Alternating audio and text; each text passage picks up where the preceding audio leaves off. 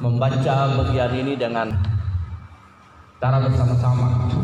Sejak waktu itulah Yesus memberitakan bertobatlah sebab kerajaan surga sudah dekat. Ya, Bapak Ibu, kenapa tadi saya mengajak kita untuk membaca uh, pengakuan iman rasul di tengah-tengah dunia yang kita hadapi hari ini ada banyak situasi yang berubah. Nilai kekristenan itu mulai bergeser, Bapak Ibu. Yang pertama ada kompromi dengan kebenaran. The other people outside this building. Bapak Ibu perhatikan. The other people outside this building, this room. Itu kompromi dengan nilai-nilai. Perhatikan dengan baik. Mereka probably perhaps not Kristen. Tapi kita harus ingat Bapak Ibu. Lihat di sini, dunia semakin berubah. Mereka mengkompromikan nilai. Kita sementara persiapan untuk memasuki masa perayaan Natal. Bapak Ibu perhatikan, Yesus datang.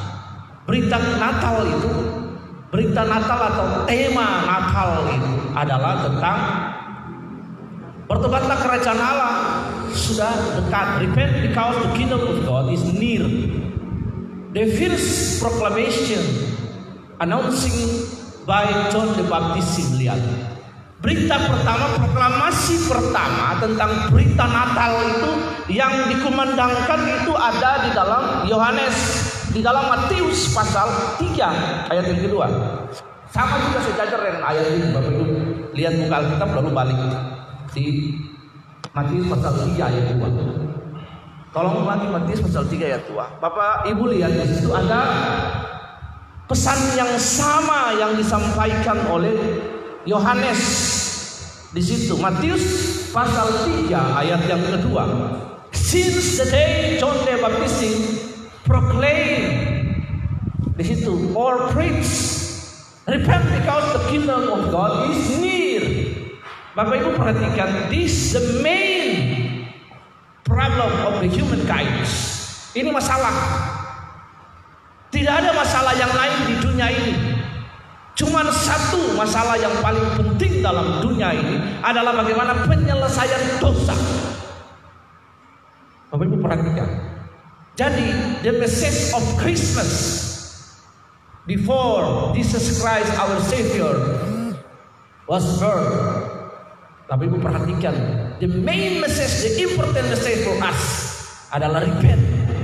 Berita pertobatan. Why? Karena penyimpangan Adam dan Hawa akan perintah Allah. Adam and Eve fall in sin. The first reason they didn't submit to the word of God. Mereka tidak pernah tunduk kepada perintah Tuhan. Tidak memiliki ketaatan kepada perintah Allah, perintah Tuhan. Itu nanti saya kita lihat di sini. Bapak Ibu yang dirahmati oleh kasih karunia lihat di sini. Jadi dosa yang dimaksud dalam pengertian ini adalah disobedience penyimpangan meleset dari apa yang Allah mau, meleset daripada apa yang Allah mau disebut atau hamartia, katakan hamartia. Iya. Bapak Ibu perhatikan kemelesetan itu artinya ketidaktepatan, tidak tepat sasaran. Mungkin kita nggak tepat 0, sekian persen itu pun tidak tepat. Karena itu Alkitab sering kali berkata dalam catatan-catatannya bahwa khususnya perjanjian lama kita dapat menemukan bahwa maka Abraham melakukan tepat seperti yang Allah sampaikan. Maka Daud melakukan tepat dan lain sebagainya. Melakukan tepat. 100% the willingness of God must submit. 100% kehendak Allah itu harus dituruti. Ditaati. Persoalan besar ini Bapak Ibu perhatikan, di sini kita lihat itu adalah berita Natal. Jadi berita Natal itu adalah berita pertobatan sebenarnya. Karena sebelum Yesus lahir, before Jesus Christ our Savior was born, sudah ada pesan. Sejak waktu itu Yohanes Pembaptis memberitakan pertobatan dan terus dekat buka. Yohanes Matius pasal 3 mundur lagi ayat yang kedua. Yesus Kristus melakukan hal yang sama. Lihat, pertobatan dalam kerajaan surga sudah dekat. Karena persoalan pertama, Yohanes mengetahui dengan pasti, Yesus tahu dengan pasti bahwa the main problem in the world, the facing of the whole humankind itu adalah do, dosa, tidak ada hal yang lain. Karena itu Bapak Ibu perhatikan dari mimbar ini hanya the true message that I preach for all of you. Tidak ada berita yang lain. Urusan Anda diberkati itu adalah implementasi dari hidup Kristus. Katakan amin. Kalau kita meletakkan dasar kekristenan kita kepada sesuatu yang bukan Kristus, kepada sesuatu yang bukan Allah, kepada sesuatu yang bukan keselamatan, kepada sesuatu yang bukan penebusan. Bapak Ibu, dalam perjalanan-perjalanan hidup kita, one day we facing this problem with struggle, circumstance, kita bisa saja murtad. Karena itu saya mengajak kita tadi membaca pengakuan iman rasul. Karena di dalam pengakuan iman rasul itu terrekord semua. Yesus Kristus tidak berubah, dia adalah juru selamat, dia adalah juru selamat menebus dosa manusia. Yang tidak percaya kepadanya binasa, yang percaya kepadanya memiliki hidup yang dekat. Inti ajaran Kristen dirangkum dalam pengakuan iman rasul supaya kita tidak bergeser keimamatan kita, kita tidak bergeser pengakuan kita, pengabdian kita, kepercayaan kita kepada Kristus Yesus. Bapak Ibu Saudara yang dirahmati oleh kasih karunia. Lihat. Pertobatan menjadi berita yang penting. Nah hari ini kan berita pertobatan orang berpikir kalau saya sudah bertobat sekali saja, kenapa saya bertobat lagi? Pertobatan itu setiap hari. Katakan amin. Setiap hari every day meninggalkan dosa. Apakah dengan sekali bertobat itu maka kita tidak buat dosa lagi? Kita semua punya kesempatan dan peluang yang sama untuk berbuat dosa. Karena itu Bapak Ibu ketika Yesus datang, sebelum Yesus datang sudah ada proklamasi di situ. Bertobatlah kerajaan surga sudah ada, sudah dekat. Perhatikan, ini adalah permasalahan manusia di dunia ini. Hari ini seluruh dunia dengan tatanan dan sistemnya sementara berjuang untuk melawan Kristus. Bapak Ibu ada satu berita itu disampaikan oleh ahli United Nations atau ahli PBB bahwa agama itu harus dilawan agama Kristen khususnya karena mereka melawan nilai-nilai kemanusiaan. Jadi harus ada penerimaan. Jadi orang Kristen tidak boleh memperkata orang Kristen tidak boleh menggunakan ayat Alkitab untuk menentang LGBT. Ini kan dosa Bapak Ibu. Allah memandang LGBT sebagai dosa sebagaimana Allah memandang LGBT segala sesuatu di luar kesuciannya, di luar kehendaknya. Itu Bapak Ibu yang tidak berselaras dengan kehendak, kekudusan, kesucian Allah. Kita pun juga harus memandangnya dengan cara yang sama seperti Allah pandang katakan amin. Ini yang terjadi di luar sana kompromi dan hari ini banyak orang membangun sistem untuk rejected, reveal to God untuk kebenaran. Ibaratnya kita nggak tahu, tapi secara stimulan, lihat di situ secara sistematis, secara masif terstruktur pelan itu mempengaruhi kehidupan manusia.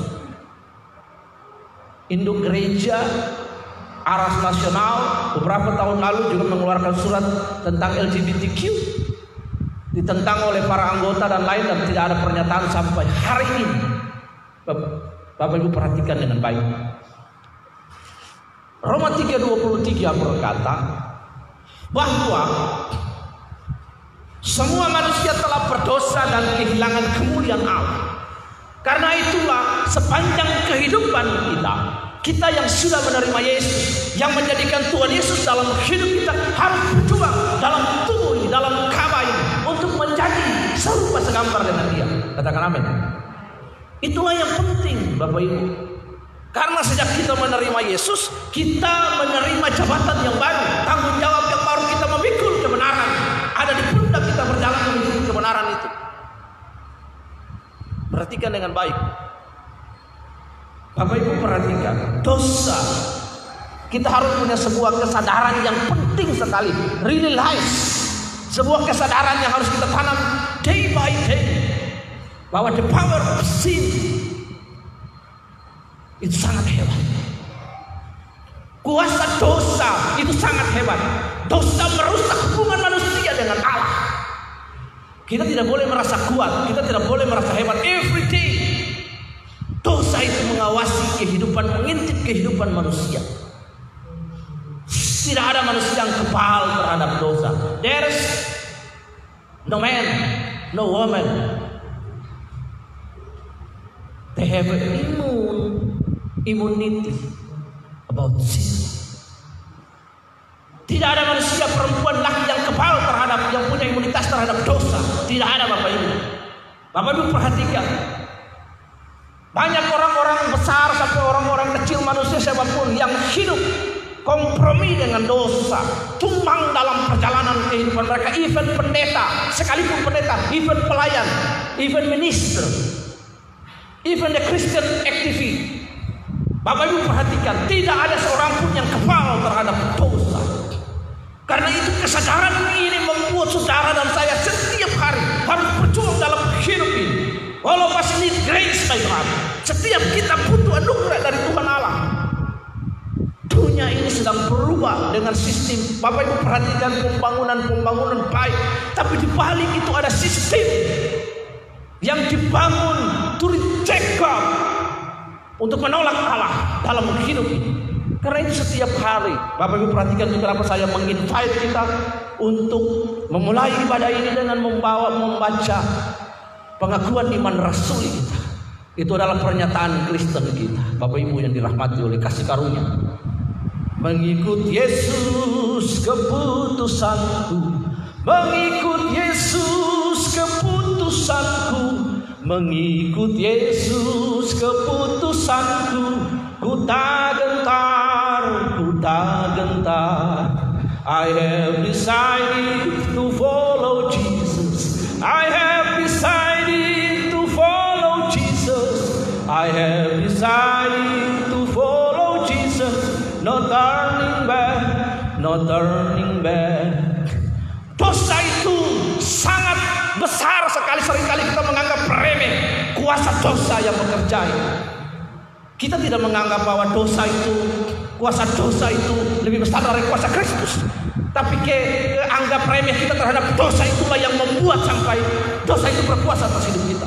Berita anugerah ini disampaikan bahwa all of us need grace. Ini yang penting Bapak Ibu yang dikasihi oleh Tuhan. Kita sadar kita orang berdosa, kita berjuang. Karena itu Alkitab pada bagian yang lain berkata bahwa kerjakanlah keselamatanmu dengan takut dengan Allah. Jadi berita Natal bagi kita adalah kita sadar I am a sinner in the eyes of God. I need grace every day, every time, 24 hours in our life. Bapak Ibu perhatikan. Tidak ada pusing dengan hal yang lain. Tuhan Yesus datang untuk menyelesaikan hubungan yang terputus, mata rantai yang terputus itu. To restore the bridges between God and man. Katakan amin. Ini yang penting. Gereja lupa menyampaikan since today. Because to God the kingdom of God is. Repent. Artinya pembaharuan pikiran. Nah sering kali orang berpikir saya sudah bertobat Pak Pendeta. Iya kan? Saya sudah bertobat. Saya mau bertobat apa lagi?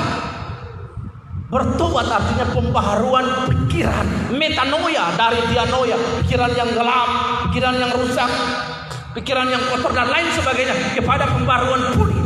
Karena itu penting bagi kita dalam hidup ini. Sebelum kita merayakan Natal nanti kita bertanya kaleidoskop hidup kita. Apakah saya sudah berubah? Apakah saya sudah menyerupai Yesus?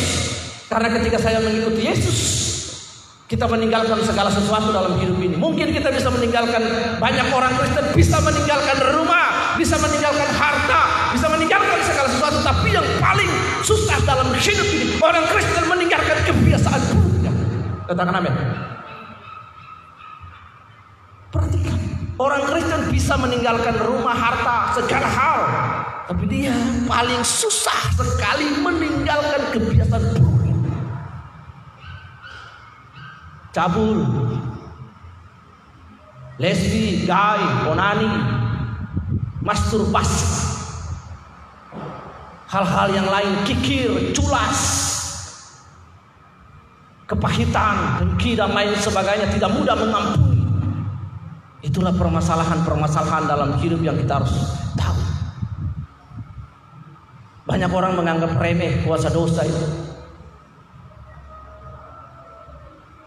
Ketika seseorang jatuh dalam dosa, dosa itu merusak hubungan antara manusia sesama dengan sesama.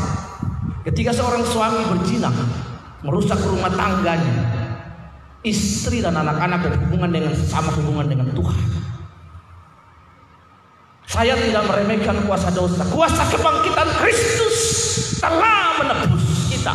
The power of the resurrection itu lebih besar dari segala kuasa. Dosa telah dikalahkan, maut telah dikalahkan. Tapi ingat Bapak Ibu yang dikasih dan dirahmati oleh anugerah Allah. Di pagi hari ini saya mau berkata, semua kita punya kesempatan dan peluang yang sama ketika dosa itu, pencobaan itu dibuahi. Pencobaan bukan dosa ya, tapi ketika pencobaan itu dibuahi menjadi dosa. Ini penting bagi kita. Mari Bapak Ibu Saudara yang dirahmati oleh kasih karunia. Ini penting bagi kita. Jadi pertanyaan 30 per 365 hari dalam perjalanan kita mengiring Yesus. Apa kita sungguh-sungguh bertobat? Dari hidup kita, perilaku hidup kita. Kita yang selama ini kikir, kita jadi baik kepada orang lain. Kita selama ini culas, kita jadi baik kepada orang lain. Kita selama ini berprasangka buruk kepada orang lain, kita belajar. Amin.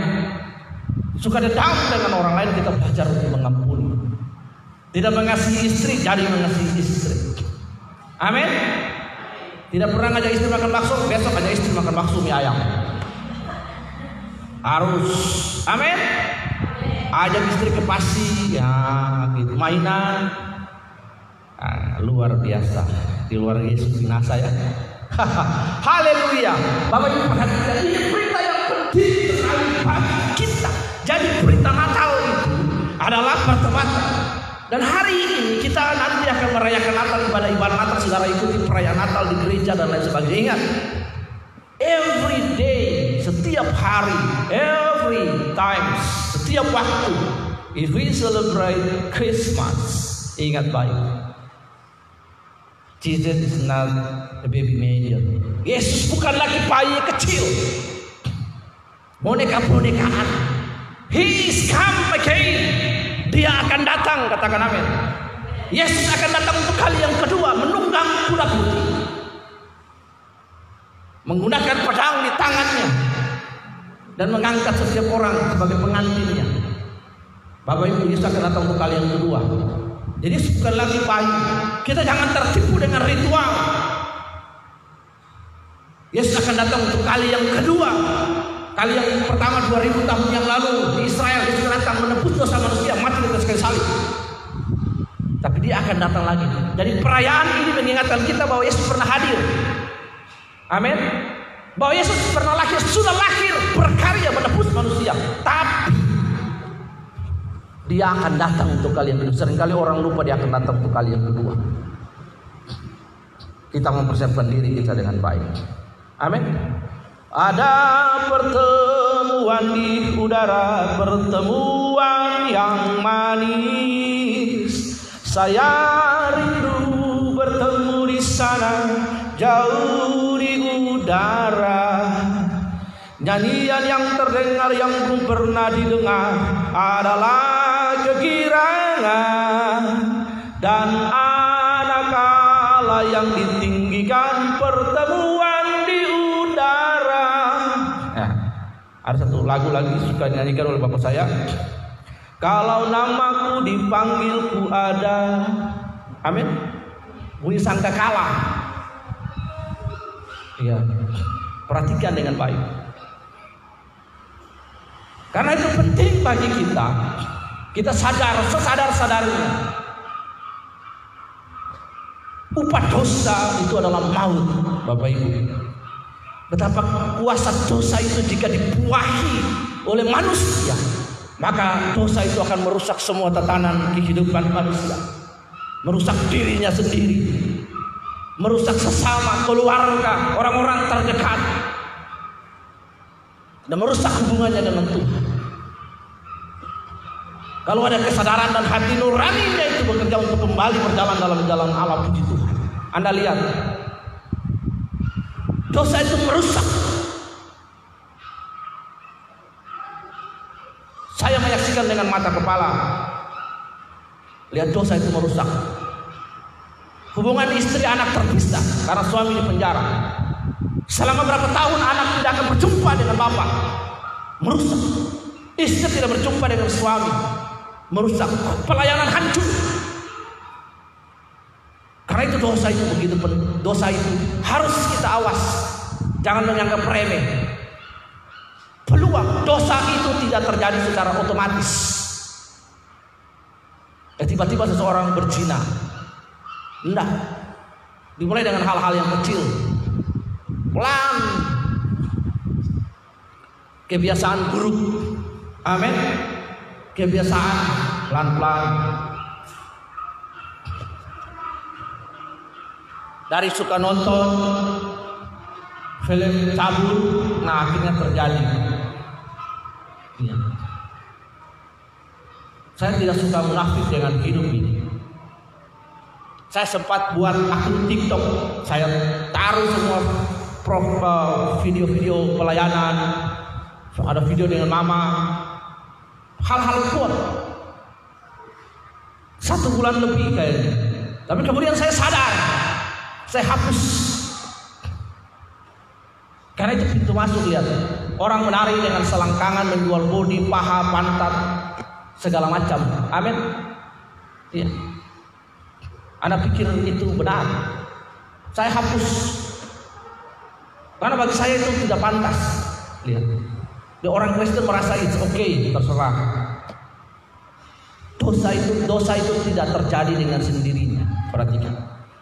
Yudas itu menjual Tuhan Yesus bukan saat itu, tapi kebiasaannya nolong uang, ambil uang, terbiasa ambil uang, lama-lama jadi biasa.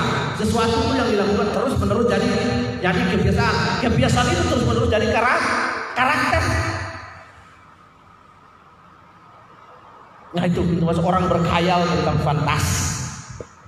Fantasi itu merusak Bapak Ibu kalau tidak dikelola dengan baik. Buah pertobatan. Karena itu Alkitab berkata pikirkanlah semua hal yang manis, semua hal yang baik, semua hal yang sedang didengar. Jadi kalau Anda nonton TikTok, Anda memikirkan hal-hal yang cabul, yang porno, Ini penting bagi kita. Kesadaran kita untuk terus berjuang. Manusia bisa aja meninggalkan segala sesuatu, dia bisa meninggalkan segala dia kuat. Tapi ada hal yang paling penting, dia sangat rentan sekali untuk meninggalkan apa manusia lah. Apa susah dia berjuang dengan hidupnya.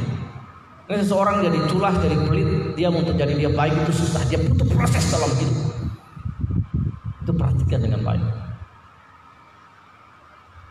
Bagaimana seseorang tidak membalas orang lain sangat sulit. Dimaki-maki dikata-katain anjing, ya, tapi bisa bilang oh ya, tenapi, tuaji, itu laki-laki baju putih di belakang sana. Pecat di tengah jalan, pecat orang melalui telepon, kamu tak pecat, pulangin mobil sekarang. Ya.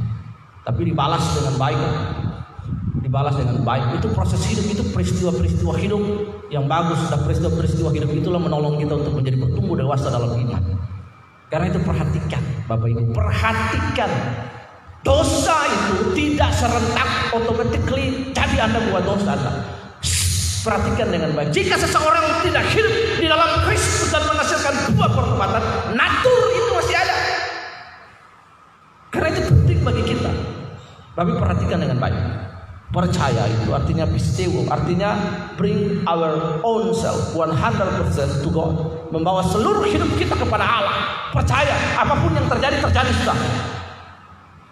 Kelihatannya fatalisme ya, tapi itulah iman. Perhatikan tiga anak darah, tiga anak muda di Babel. Jika Yesus sadar kesadaran Abednego dalam perapian, jika Allah sanggup menolong kami, Dia akan melepaskan kami dari tangan Tuanku Raja Nebukadnezar. Perhatikan, tetapi jika Allah tidak menolong kami, kami tidak akan berbakti kepada patung buatan Tuhan Raja Nebukadnezar. Itu iman dasar atas segala sesuatu yang tidak pernah kita lihat. Jadi kalau seseorang sudah menaruh hidupnya membawa hidupnya put his own life to God, maka dia harus mutlak berjalan mengikuti Yesus. Pola pikirnya, kebiasaannya, karakternya semuanya. Susah, susah. Saya juga berjuang. Setengah mati berjuang. Apakah saya sudah lulus? Belum. Kita masih semua terus berjuang. Saya harus berjuang dengan hati saya untuk terus menjadi murah hati. Saya berjuang dengan saya tidak mudah untuk simpan dendam. Sekalipun orang membuat saya sakit hati, saya mengampuni. Orang menjelekkan saya, saya mengampuni. Orang melecehkan saya, saya mengampuni. Dan itu fakta. Ada banyak. Orang memperalat saya, saya mengampuni. Apakah sudah lulus dalam hal-hal itu? Belum, masih terus saya berjuang. Ingat baik, semua kita punya peluang dan kapasitas untuk bisa jatuh lagi dalam dosa. Katakan amin. Kita tinggal di dunia yang berdosa. Amin. Kita tidak tinggal dalam taman Eden, dalam sebuah kubah yang di mana seluruhnya orang Kristen. Kita tinggal di dunia yang setiap hari kita bisa melihat sama seperti Lot dan anaknya. Bapak Ibu lihat Lot dan anaknya dia tinggal di sebuah dunia yang berdosa, sebuah dunia yang di situ ada homo, lesbi, gay, queer. Dan Anda perhatikan akhir cerita Lot. Kenapa di situ? Lot bersetubuh dengan dua anak perempuan dan menghasilkan suku bangsa yang namanya Bani Amon dan Bani Moab. Dan Bani Amon dan Bani Moab sepanjang hidupnya mereka berperang dan menjadi musuh bebuyutan orang Kristen. Orang Israel, bukan orang Kristen, orang Israel. Kenapa sampai Lot dan anaknya bisa begitu? Karena mereka setiap hari lihat kehidupan orang di sana. Amin harusnya get away. Kita tinggal di dunia yang berdosa. Tapi kita punya the power of the resistance because there is a Christ in our life. Katakan amin. Ada kuasa dalam diri kita untuk menolak. Karena itu perhatikan kalimat ini dengan baik. Dalam Roma 8 ayat 14 berkata, jika kita mengaku kita anak Allah, maka kita dipimpin oleh roh Allah. Kata dipimpin itu ago, agoni, interconflict. Every day kita kan melihat, membaca. Karena itu perhatikan apa yang kita dengar itu akan mempengaruhi kita, apa yang kita lihat kita, siapa yang kita ikuti. Are you follow Christ or not? Perhatikan. Amin. Di Facebook saya saya tidak pernah berbicara tentang hal yang lain. Tidak. Firman Tuhan keluarga. Informasi berita dan lain. Saya tidak pernah informasi berita yang keliru apalagi menaruh tentang COVID tidak pernah.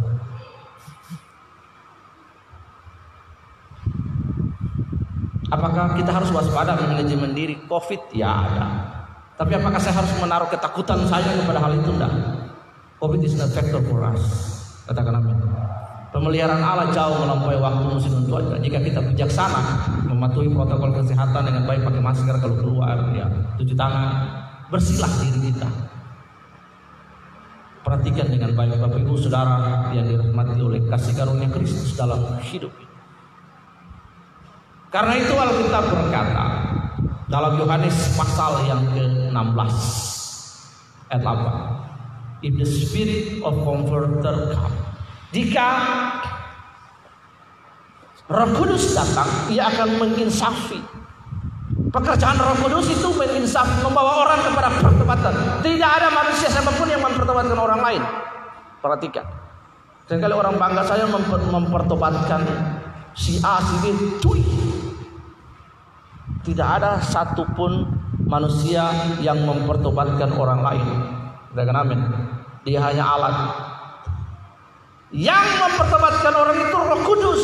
Yohanes sudah jelas berkata, Roh Kudus datang dia akan menginsafi, membawa kesadaran, menggiring kita Untuk apa? Yang pertama akan kebenaran kebenaran akan dosa. Supaya kita sadar in the eyes of God I am a sinner di hadapan Allah aku orang berdosa. Saya tidak bisa berbuat apa-apa untuk menyelamatkan diri saya. Tidak ada seorang pun yang dapat menyelamatkan saya hanya satu pribadi yaitu Yesus Tuhan. Bagaimana caranya? Kita datang kepada Dia, Dia akan menyelamatkan kita. Kita percaya dan mengaku Dia, Dia akan menyelamatkan kita. Karena di bawah kolong langit itu bukan tidak ada nama lain yang olehnya menjadi diselamatkan, hanya dalam nama Yesus. Katakan amin. Karena begitu besar kasih Allah dunia ini sehingga bahwa anak tunggal supaya setiap saudara yang percaya bahkan yang sudah percaya terus mengerjakan keselamatan dengan takut mengetarakan dia. Ini yang penting sekali bagi kita.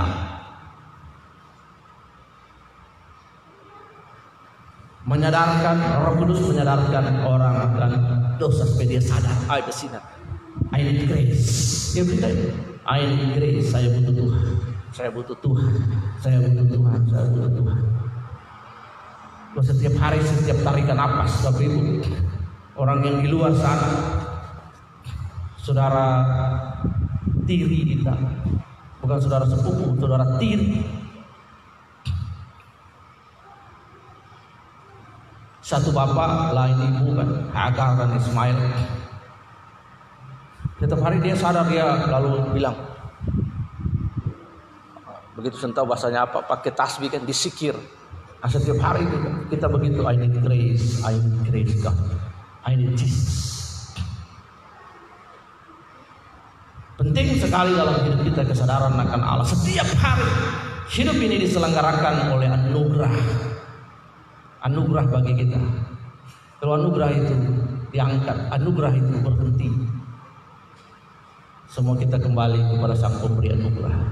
Karena itu penting sekali Bapak Ibu Saudara yang dirahmati kesadaran kita untuk terus mawas diri dalam hidup ini. Dunia di sekeliling kita berubah. Yohanes pertama Yohanes pasal 15 dan 17 tolong dibuka.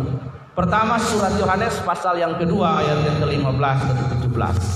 Karena itu penting bagi kita Bapak Ibu saya menyampaikan hal ini nanti menjadi homili pranatal supaya kita punya kesadaran. Nanti khotbahnya berseri sampai tanggal 31 Desember. Perhatikan dengan baik. Bapak Ibu perhatikan dengan baik. Ini penting sekali bagi kita. Karena itu Alkitab yang tadi Yohanes berkata tadi menginsaf dulunya akan dosa, yang kedua akan kebenaran. Yesus berkata, "Akulah jalan kebenaran dan hidup." Amsal berkata bahwa ada jalan orang yang disangka lurus tapi ujungnya menuju maut. Tapi Yesus berkata, aku adalah jalan kebenaran dan hidup. jalan orang itu yang dia buat sendiri menuju maut. Kita ikut jalan Yesus, kita menuju hidup. Amin. Banyak orang mencari jalannya sendiri. Mereka dengan berbagai cara mencari jalan menciptakan agama dan lain sebagainya. Kita cuma satu, datang kepada Yesus pribadi yang adalah jalan banyak orang mencari kebenaran diri sendiri. Bahkan ada lagu dan na na na na na na na na na na ya, dari Amana dari Cina cuma dari mana dia cari kan? Perhatikan. Kebenaran hanya dalam Yesus tidak ada. Kebenaran mutlak bagi orang Kristen adalah Yesus Kristus katakan amin. Tidak ada hal yang lain. Ada orang yang banyak jalan disangka lurus ujungnya menuju maut. Yesus adalah jalan kebenaran dan hidup. Engkau datang kepada Yesus engkau hidup. Engkau datang kepada Yesus jalan yang tepat. Amin. Dan dia adalah kebenaran itu yang akan memerdekakan saudara jika saudara berrelasi dengan dia. Di dalam 2 Timotius pasal 3 ayat 16. Segala tulisan yang diilhamkan Allah bermanfaat. Perhatikan dengan baik. Satu untuk mengajar. Dan banyak orang khotbah tentang stres, tentang khawatir, cemas, hal-hal yang motivasi dari mimbar. Bapak Ibu perhatikan. Hari ini dunia butuh Yesus. Bukan butuh pengajaran yang keliru, yang salah, yang tidak pada tempatnya. Katakan amin. Yesuslah jawaban bagi dunia. Tak satu pun yang dapat melebihi dia. Yesuslah jawaban bagi dunia. Pelepas dan penolong dalam kehidupan. Perhatikan dengan baik. Yesuslah jawaban. Jesus is the answer for the world. Only Jesus. Jadi Bapak Ibu katakan kepada dunia, Yesuslah jawaban. Di luar Yesus tidak ada jawaban. Amin.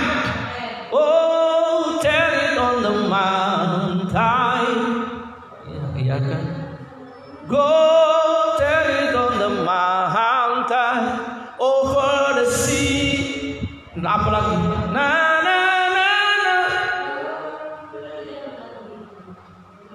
siarkan di gunung, siarkan di lembah.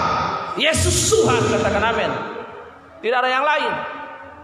Berita dunia ini orang butuh Yesus. People must know about Jesus. Tiap orang harus tahu. Tiap orang harus tahu. Tiap orang harus tahu siapa Yesus. Katakan amin. Every people must be known. Every people must be known. Every people must be known who Jesus is. Setiap orang harus tahu siapa Yesus. Tell Jesus Christ to others, people that we know, that you make a close friend with them. Or show Jesus Christ inside yourself for others people through your character, your habit. Amin. Katakan kepada orang lain dengan sifat dan kelakuan karakter. Others people, they know about Jesus through you. Perhatikan ini penting. Lihat. Dunia ini sedang lenyap dengan keinginan, tetapi orang yang melakukan kehendak Allah tetap hidup selama-lamanya. Kata dunia di sini Perhatikan itu sistem tatanan, value, nilai yang dianut apa? Nah, lihat. Itu hari ini kan pola pikir seseorang terbentuk dari filosofi hidup, nilai hidup dalam keluarga, apa yang dianut dalam keluarga. Jika keluarga itu menganut sesuatu yang bukan Kristus, ya sudah cilaka. Harus ada Yesus di atas famili, di atas keluarga kita. Perhatikan, dunia ini sedang lenyap dengan keinginan, desire, desiring, kerinduan, keinginan, lust, passion. Dunia ini perhatikan. Dan hari ini, Bapak Ibu, negara seperti Prancis itu mereka bukan negara Kristen, secularist country. Jadi dia not about Jesus. Pakai salib aja di perusahaan di kantor disuruh keluar. Lepas salib atau dipecat. Hari ini Amerika ada orang Kristen sana ada, tapi mayoritas LGBT orang berjalan berciuman laki-laki dengan laki-laki Johnny dan Johnny udah di tempat umum. Iya. Kalau Johnny dan Joan tidak apa-apa.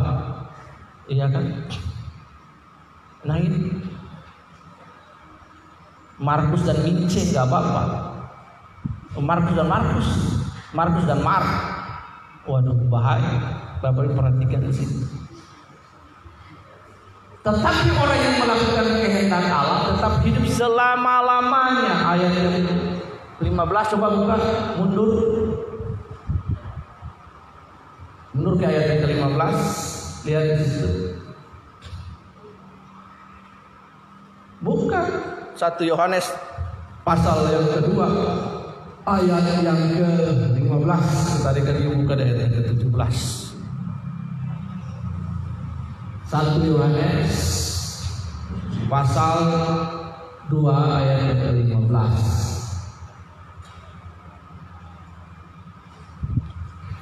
yang tadi itu tapi pindah ke ayat yang ke-15 iya iya Bukan satu Yohanes, surat satu Yohanes itu Injil Matius, Brur. Satu Yohanes pasal yang kedua ayat yang ke-15. Sudah?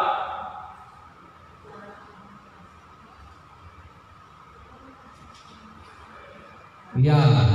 Janganlah kamu mengasihi dunia dan segala apa yang ada di dalam dalamnya sampai di situ dulu. Perhatikan. Pada bagian lain Injil berkata bahwa di mana hartamu berada, di situ hatimu berada. Bukan masalah hartanya, tapi beradanya. Perhatikan di kata berada. Artinya di mana engkau meletakkan hatimu, di mana hatimu terikat, di mana hatimu mengabdi, di mana kecenderungan hatimu. To Christ or money, to Christ or world, Kristus atau harta, or the other things that you put in the highest place in your life. Perhatikan dengan baik. Ini penting sekali. Jangan kau mengasih dunia. Bagian yang lain dalam surat Korintus pasal 1. Pasal 16 ayat 22. 1 Korintus pasal 16 ayat 22. Tidak usah dibuka. Barang siapa yang tidak mengasihi Allah, anatema terkut, terkutuk. Prasyarat seseorang mengabdi kepada Allah adalah mengasihi Allah, mencintai Allah, mengasihi Allah. Dengan apa? Dengan akal budi, segenap hati dan segenap pikiran. Itulahnya orang Kristen harus cerdas. Jadi kalau orang Kristen tidak cerdas, ini bilang asal percaya saja goblok namanya. Asal percaya saja, asal percaya. Setan juga percaya bahkan ngejar gemetar. Amin. Injil dalam Yakobus berkata, Yakobus 2 kalau misalnya 19, engkau percaya satu hal itu baik dan benar. Tapi perhatikan setan-setan juga percaya bahkan nge ngejar. Karena itu Bapak Ibu perhatikan dengan baik syarat kita di sini adalah jangan mengasihi apa yang ada di dalamnya. Syarat seseorang mengasihi Allah, dia harus mengasihi dan cintai Allah. Anda perhatikan sebuah lagu yang bagus sekali. Saya suka kalimat itu aja, kalimat yang lain enggak. Ribbon Jovi. Thank you for loving me. Coba kalimat itu di, kita nyanyi, kita membayangkan kalau istri terima, berkata terima kasih untuk mengasihi aku, coba Yesus berkata thank you for loving me. Umat Israel dalam sebuah ikatan perjanjian mereka dengan Tuhan berkata bahwa Kasihilah Tuhan Alamu dengan segenap hati, pikiran, akal, budi. Amin. Kasih Tuhan Allah itu hukum yang terutama. Siapa yang tidak mengasihi Allah terkutuk perhatikan Lawan yang sepadan buat Tuhan yaitu dunia mamun. Perhatikan. Mengasihi dunia apa di dalam terkutuk. Tepat sekali harus kita mengasihi dunia. Kita mengasihi Kristus. Meskipun saya susah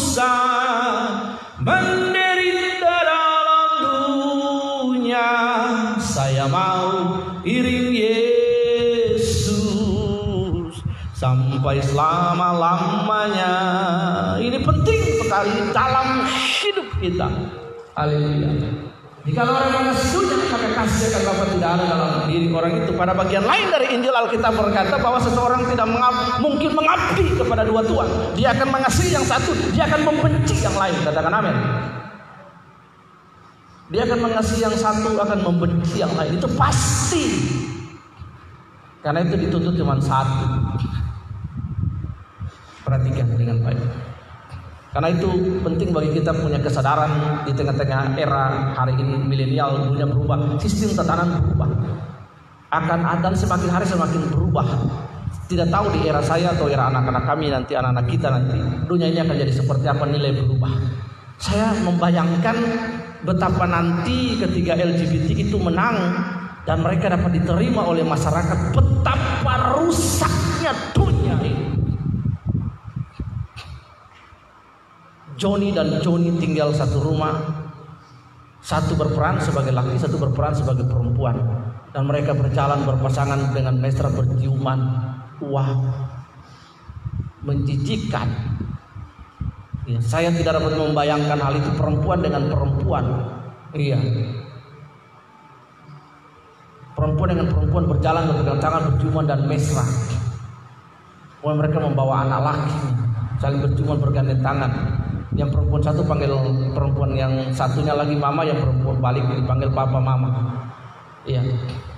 Iya bapak perhatikan. Saya tidak tidak bisa membayangkan betapa rusaknya dunia ini. Ketika hal itu benar-benar terjadi karena itu dari sekarang kekristenan itu tidak berubah. Apa pun yang terjadi Yesus tetap Allah tidak berubah. Kebenaran tidak boleh diserongkan. Kita tidak boleh kompromi. Ada ada penderitaan yang harus kita bayar ikut untuk ikut Yesus hari ini kita kita belum bayar apa-apa untuk ikut Yesus katakan amin. Kita belum mengeluarkan darah, keringat dan air mata. Pada suatu saat momen itu akan datang bahwa pedang, bahaya, penyakit, maut, kelaparan, ketelanjangan tidak dapat memisahkan kita dari kasih Kristus. Amin. Jadi jika hari ini mungkin Levi dan generasi di bawahnya akan menghadapi LGBTQ. Lalu pemerintah melarang jika kamu tidak setuju kamu akan mati dan segala macam. Bayar harga lah buat hal itu. Karena hidup di dunia ini cuma singkat. Jangan mengasihi dunia, katakan amin. Karena pengharapan eskatologi kita ada di surga hidup bersama-sama dengan Bapa, bukan di sini. Di sini Yakobus Petrus berkata kita cuma apa pengembara dan penuh penumpang. Pengembara digunakan kata paredemos dan paroikos. Bapak Ibu perhatikan seorang pengembara dia butuh apa? Dia butuh kompas. Apa kompas kita? Alkitab, Bible. Bible. Itu kompas kita yang mengarah kita kan kepada pribadi Yesus. Kemudian penumpang di dunia dia mau butuh apa? Kita cuma numpang sebentar. Setelah itu kita out. Setiap kita akan mati kan. Kematian itu sebuah realita hidup yang harus kita terima fakta akibat dosa. Tetapi arah solusi dan jalan keluar. Setiap pribadi yang has received Jesus Christ, even he died, he live Jesus in eternity. Katakan, katakan. Itu kematian sebuah realita tidak bisa ditolak. Manusia tentu akan menangis karena kenapa dia hidup dengan orang itu, dengan istri, dengan anak bersinggungan selama sekian waktu, hati terpaut dan terikat. Tapi jika ketika dia mati, dia menangis tidak apa. Tapi itu realita yang harus diterima. Realita yang harus diterima oleh setiap anda, siapa pun anda, perhatikan dengan baik suatu saat suami di sampingmu akan lewat, istri di sampingmu akan lewat, anak-anakmu akan lewat, tergantung kapan, masih kecil, besar, remaja atau dia kalau panjang, is okay. Tapi kematian sesuatu sesuatu yang pasti. Yang membuat kematian itu berbeda adalah ada Kristus atau tidak ada Kristus katakan amin. Bukan siapa yang menggotong peti mati kita ke kuburan, tapi siapa yang menyambut kita. Setan atau Tuhan Yesus. Jadi pertanyaan bagi kita. Karena itu kuasa dosa itu kita harus waspada. Kita tidak membesarkan kuasa dosa lebih daripada more than the power of Jesus Christ. Tapi kita harus waspada bahwa kuasa dosa itu merusak sekali kehidupan manusia dengan sesama, manusia dengan manusia, manusia dengan Allah. Amin. Mengeluarkan dan menguras banyak air mata, waktu terbuang percuma sumber daya dan energi terbuang akibat kuasa dosa itu. Jadi homili pranatal ini menolong kita untuk memahami bahwa the first proclamation about John the Baptist and Jesus Christ is same message for us. Repent because the kingdom of God is near is the message of Christmas for all of us this day. Kalau itu kepala kita berdoa. Bapak kami berdoa dan kami bersyukur kepada Engkau untuk hari ini.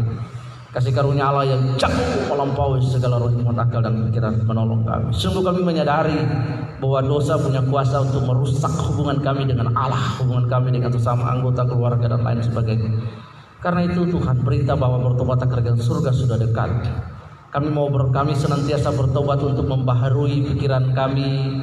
Perubahan adalah bagian dari pertobatan. Tuhan berbalik ke jalan yang benar adalah bagian semua orang butuh pertobatan entah dia anak-anak tua muda bahkan sampai tua pun. Semua butuh berubah semua butuh perubahan semua butuh kembali ke hal-hal yang baik. Itu adalah kodrat daripada repentance Tuhan kami berdoa dan mengucap syukur bangunkan kesadaran kami untuk terus hidup bagi Kristus menyadari bahwa dosa itu merusak hubungan kami dengan Allah dan sesama. Dan Tuhan kuasa dosa itu telah dipatahkan oleh Yesus Kristus tetapi jika kami tidak waspada kami dosa maka pencobaan-pencobaan yang datang secara masif dan terstruktur menawarkan godaan bagi kami kami bisa terpikat kami bisa terseret oleh itu Terima kasih untuk kemenangan yang kau berikan di atas kayu salib yang telah menghancurkan dosa sehingga kami bisa berkata, Hai maut, di mana sengatmu? Terima kasih Kristus yang adalah kepala atas segala sesuatu. Kiranya terus melindungi kami. Roh Kudus mau, menjaga, menginsafi kami senantiasa stand beside us untuk mengadvokasi kami. Untuk terus hidup bagi kemuliaan Tuhan Yesus Kristus. Kami berdoa dan mengucap syukur Tuhan Bapak kiranya Tuhan Engkau menjawab setiap pergumulan-pergumulan kehidupan jemaat seturut waktu dan kehendak penuhkan hati dan pikiran mereka, kuatkan mereka, hiburkan mereka. Engkau adalah jaminan kekal kami Tuhan. Sukacita dan sejahtera Allah di tengah-tengah pandemi Covid yang kami hadapi. Pemenuhan kebutuhan, kebutuhan dalam hidup ini. Tuhan Engkau memelihara kami dari musim ke musim. Tuhan waktu ke, ke waktu Tuhan. Even we Tuhan entering Tuhan padang gurun, Engkau akan membawa kami dari padang gurun ke padang rumput hijau karena engkau gembala yang baik. Sekalipun kami lewat Tuhan dalam lembah-lembah kekelaman, engkau tidak berubah karena engkau gembala yang baik bagi kami. Menuntun kami, menghibur kami dan memelihara kami Tuhan. Providensia Allah, pemeliharaan Allah atas segala sesuatu itu berlaku atas kehidupan kami. Engkau bekerja dalam segala hal untuk menolong kami. Segala sumber-sumber yang kami butuhkan dalam hidup mengkoneksikannya dengan waktu dan orang-orang dan mengerjakannya menjadi miraculum, miracle bagi hidup kami. Bagi Allah yang jauh dan dapat melakukan apa yang tidak pernah kami dengar, kami lihat timbul dari hati dan pikiran kami. Semuanya kau kerjakan bagi kami. Terpuji nama Tuhan. Datanglah kerajaanmu, pergilah kerajaan kami. Supaya kerajaanmu dapat berkuasa dengan leluasa dalam hidup kami. Di dalam nama Tuhan Yesus. Kami sudah berdoa. Mengucap syukur. Nonobis, nonobis itu gloria. Bukan kepada kami, bukan kepada kami. Tapi kepadamu lah kemuliaan. Karena engkau yang punya kerajaan dan kuasa dan kemuliaan sampai selama-lamanya. Haleluya. Kiri Yesus. Amin.